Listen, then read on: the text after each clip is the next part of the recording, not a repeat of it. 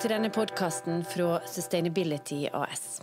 I dag har vi med oss leder i Klimautvalget 2050, som er satt ned av regjeringa. Martin Skanke, velkommen. Tusen takk for det. Dere har et stort mandat som handler om å se på hvordan Norge skal bli et lågutslippssamfunn i 2050. Kan du si først litt kort om hva dere skal finne ut? Hva er oppdraget? Ja, oppdraget er som du sier veldig kort, hvordan skal vi bli et lavutslippssamfunn i 2050? Eh, det er jo egentlig den korte overskriften. Eh, men det er jo noe som eh, krever både at vi ser langt frem, men også at vi ser bredt.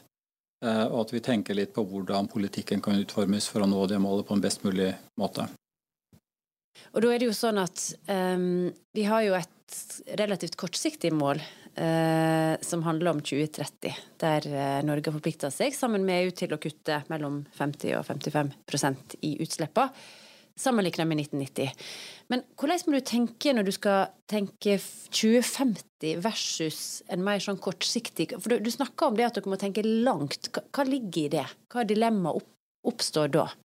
Jeg tror Det er viktig å begynne med kanskje det fysiske utgangspunktet. Det er at eh, klimaendringene skyldes eh, CO2 i atmosfæren.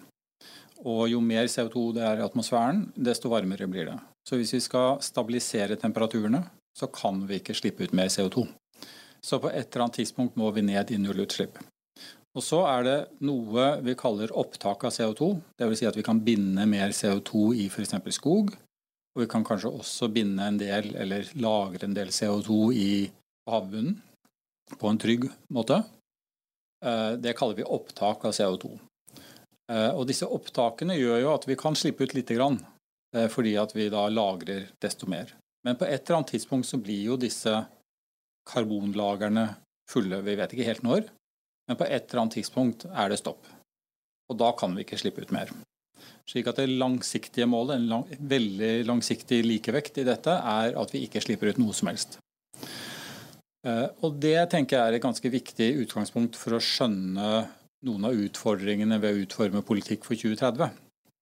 Og det er å teste de løsningene vi velger for 2030, og spørre er dette løsninger som også står seg i et 2050-perspektiv. Eh, og det er lett å finne quick fix på en del problemstillinger, men er det en langsiktig løsning? Så det er ett viktig hensyn.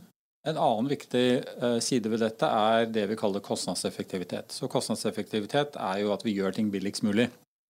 Det er et veldig godt prinsipp og et veldig nyttig prinsipp, fordi det er vanskelig nok å nå klimamålene om vi ikke også skal gjøre det dyrere enn nødvendig. Så det er veldig bra at vi legger vekt på kostnadseffektivitet, men kostnadseffektivitet betyr noe annet når vi tenker på det veldig langsiktige bildet. For hvis du ber meg om å velge eller å finne kutt som gjør at vi kan kutte 10-20-30% av norske utslipp, så finner jeg jo selvfølgelig de billigste utslippene. Eh, men hvis du skal kutte alle utslippene, så gir det ikke mening å si at vi bare skal gjøre de billigste, for vi skal jo kutte alt. Da handler det mer om hva er en billig strategi samlet sett? Hva er den billigste veien til målet? Eh, og det er noe annet enn å spørre hva er de billigste enkelttiltakene. Eh, så det er en del av de problemstillingene som vi tenker også må prøve å brette ut i dette utvalget. Og så har vi jo en en verdenssituasjon som er utrygg og mer utrygg enn på lenge. Der vi uh, har fått forsterka uh, utfordringer som vi allerede så konturene av i forkant. Hvordan spiller det inn i, de vurderingene og det arbeidet dere gjør?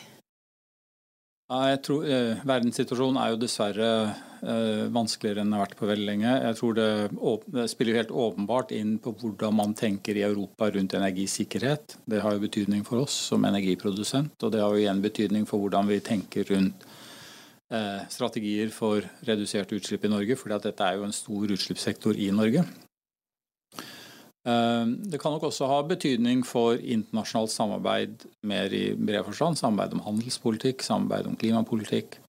Eh, blir det mer alenegang eh, for enkeltregioner, eller blir det mindre samarbeid? Kina er jo også en veldig viktig aktør i dette. Og det er jo ikke bare i Europa at det nå er økt spenning, men det er jo også dessverre økte spenninger mellom Kina og USA. Eh, Kina har kansellert møter om klimapolitikk med USA. Hva betyr dette for internasjonalt klimasamarbeid fremover? Og hvordan skal vi som et lite land innrette oss? Så det vi har lagt frem noen foreløpige vurderinger nå i juni, er jo knyttet til, eh, også til EU-samarbeid. Og det har jo vært en bærebjelke i norsk klimapolitikk at vi skal gjøre dette sammen med EU. Eh, og eh, det, det vi har lagt frem så langt Vi har jo ikke konkludert, vi skal komme med en rapport neste år. men det vi har lagt frem så langt av foreløpige vurderinger, peker veldig klart i retning av at vi også i fremtiden bør prøve å gjennomføre klimapolitikk sammen med EU. Nå skulle det jo egentlig uh, vært et naturtoppmøte i Kina. Uh, det er flytta til Canada. Men naturen er jo viktig. og en snakker jo nå etter hvert om ei klimakrise og ei naturkrise i samme åndedrag. Kan du si litt om spenningsforholdet der, og, og, og viktigheten av å se helhetlig på nettopp klima og natur? Det er helt eh, sentralt og helt riktig det du sier. Jeg sa jo at vi må tenke lengre. Vi må også tenke bredere. Vi må tenke at vi skal løse klimakrisen sammen med at vi løser naturkrisen. Um, og det er mye berøringspunkter her, og, mye av det handler jo om hvordan vi bruker arealer. Um, vi har knappe jordbruksarealer i verden. Uh, vi skal altså ha eh, brødfø en voksende global befolkning eh, som spiser mer og mer eh, kjøtt, og som krever store arealer. Eh, vi har en økende etterspørsel etter biobrensler, som krever mye areal. Vi ønsker å plante mer skog for å binde mer eh, CO2. Uh, og det krever arealer til fornybar energi, uh, solpaneler osv., som, som tar en del arealer. Så disse konfliktene om areal og arealbruk er ganske sentrale. Eh, fordi det sier noe om mulighetsrommet for klimapolitikken. Det sier også noe om virkemidler eh, og hvordan vi bør vurdere virkemidler. F.eks. omfattende bruk av biobrensler, som isolert sett er et veldig viktig bidrag for å få ned CO2-utslippene. Men det kan komme i konflikt med andre mål vi har, og legge økt press på arealer Eh, kanskje i verste fall føre til avskoging eh, og mindre opptak eh, av CO2, og da går på en måte klimagevinsten tapt. Vi får reduserte utslipp, men vi får også redusert opptak. I tillegg til da tap av naturmangfold? I tillegg til eh, tap av na naturmangfold. Mm. Ja, for hvor viktig er det her? Altså, Én En ting er jo, er jo naturens evne til å binde karbon, men så har du jo disse her sårbare økosystemer og naturmangfold som jo òg eh, bidrar med det vi kaller økosystemtjeneste. Eh, altså, hva, hva, kan du si om, om nedsida ved tap av mer natur? Vi har skrevet en del om dette i den rapporten som vi kom, eller det diskusjonsgrunnlaget som vi publiserte nå i, i juni.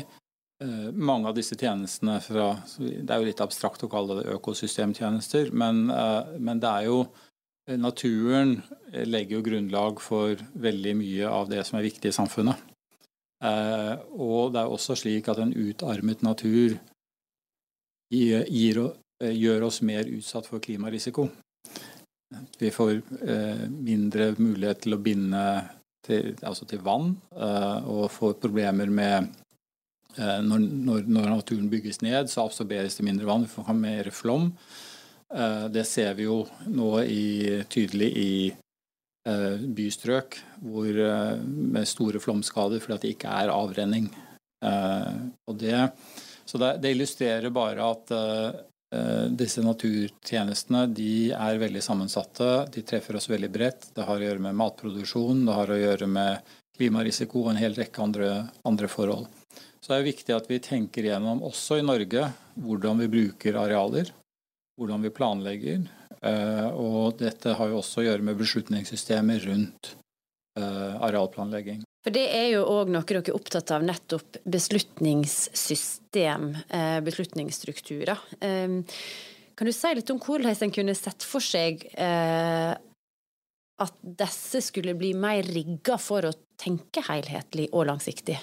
Det er flere forhold her. Det ene er forholdet mellom offentlig og privat sektor. Eh, og det andre er organiseringen av offentlig sektor i ulike forvaltningsnivåer. Eh, vi må finne på en måte den rette rollen til stat eh, og den rette rollen til marked. Og vi må sørge for at de beslutningene som tas i privat sektor, tar inn over seg klimaspørsmålet på en god måte. Finansnæringen er viktig, for det er jo finansnæringen som finansierer bedriftene. Og jeg tror et nøkkelord her er at vi må bygge mer troverdighet til klimapolitikken. For når bedrifter tar investeringsbeslutninger, så tar de det på basis av forventninger om fremtiden. Hvis bedriftene forventer at klimapolitikken i fremtiden vil bli stram, så vil de lete etter løsninger i dag som gjør at de vil slippe ut mindre i fremtiden. Eh, for det vil ha stor økonomisk verdi for dem hvis de tror, og hvis de er overbevist om, at i fremtiden vil det bli veldig dyrt å slippe ut CO2, så vil de legge mye arbeid ned i dag for å finne den teknologien som skal til for å unngå de utslippene i fremtiden. Så dette med troverdighet rundt klimapolitikken er veldig viktig. Eh, hvordan bygger vi troverdighet? Eh, I Norge har vi jo tradisjoner for brede politiske forlik om viktige saker, som har gjort at en del deler av den økonomiske politikken ligger fast, uansett hvem som sitter i regjering. Vi har hatt en pensjonsreform f.eks., vi har hatt en barnehagereform, som det har vært bred politisk enighet om. Ehm, så jeg tenker at det er ganske viktig å lete etter måter å styrke troverdigheten. For det vil i seg selv gjøre at vi får en mye sterkere driv i privat sektor til å finne disse klimaløsningene. Eh, og til å få ned kostnadene. I mange tilfeller er det jo slik at vi har teknologi. Vi vet i mange tilfeller hvordan eh, vi skal løse et problem, men vi trenger mer skala for å få ned kostnadene. Og det har vi sett innenfor fornybar energi, hvor kostnadene har kommet ned veldig. Så solteknologien for å konvertere solenergi til elektrisk eh, kraft, den kjenner vi jo, den har vi. Men likevel så er det jo gradvise teknologiforbedringer som gjør at kostnadene faller og faller og faller. Eh, og så har vi en del teknologi f.eks. på karbonfangst og -lagring som i dag er dyr. Eh, men hvor jeg tror industrialisering, storskala, forbedringer i teknologi gjør at kostnadene der også kan falle. Du er jo eh, siviløkonom eh, av bakgrunn. Du har bakgrunn fra Finansdepartementet, Statsministerens kontor. Eh, og jobber mye med, med altså store kapitalstrømmer og hvordan en bør investere. Hva, hva vil du si til, til bedriftseiere og næringslivet som nå skal rigge seg for framtida? Jeg tror alle bedriftseiere kjenner seg igjen i at vi lever i en veldig usikker verden. Mye, det er mye usikkerhet. Så en veldig viktig øvelse, tenker jeg, er å stressteste de beslutningene du tar. Tenke ulike scenarioer, og spesielt tenke på et scenario hvor vi lykkes i klimapolitikken. Hvordan ser en sånn verden ut, og hva betyr det for min bedrift? Eh, hvis vi lykkes i klimapolitikken, vil jeg da kunne tjene penger på den forretningsmodellen jeg har? Eller er det sånn at jeg har en forretningsmodell som er avhengig av at vi ikke lykkes i klimapolitikken? Og så er det viktig å tenke systematisk på muligheter. Så hvis jeg skal anbefale et sted å lete, begynne å se på dette, så jeg har jo med en annen hatt på vært eh, med i et initiativ som heter TCFD. Det er jo et forferdelig akronym. Task Force on Climate Related Financial Disclosures. Som er en internasjonal arbeidsgruppe som fikk i oppdrag å lage et rapporteringsrammeverk for klimarisiko for bedrifter. Eh, og da vi laget det rammeverket, så eh, prøvde vi jo å systematisere litt hvordan klimaendringer og klimapolitikk kan påvirke selskaper finansielt.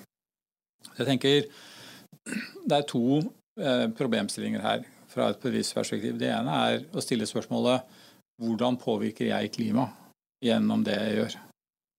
Det andre spørsmålet er hvordan kan klimaendringer og klimapolitikk påvirke meg finansielt? Eh, så i denne TCFD-arbeidsgruppen så forsøkte vi å systematisere litt dette. Og vi har også publisert mye materiale på TCFDs nettside om hvordan kan du f.eks. ta klimarisiko og integrere det i en bedrifts risikostyringssystemer.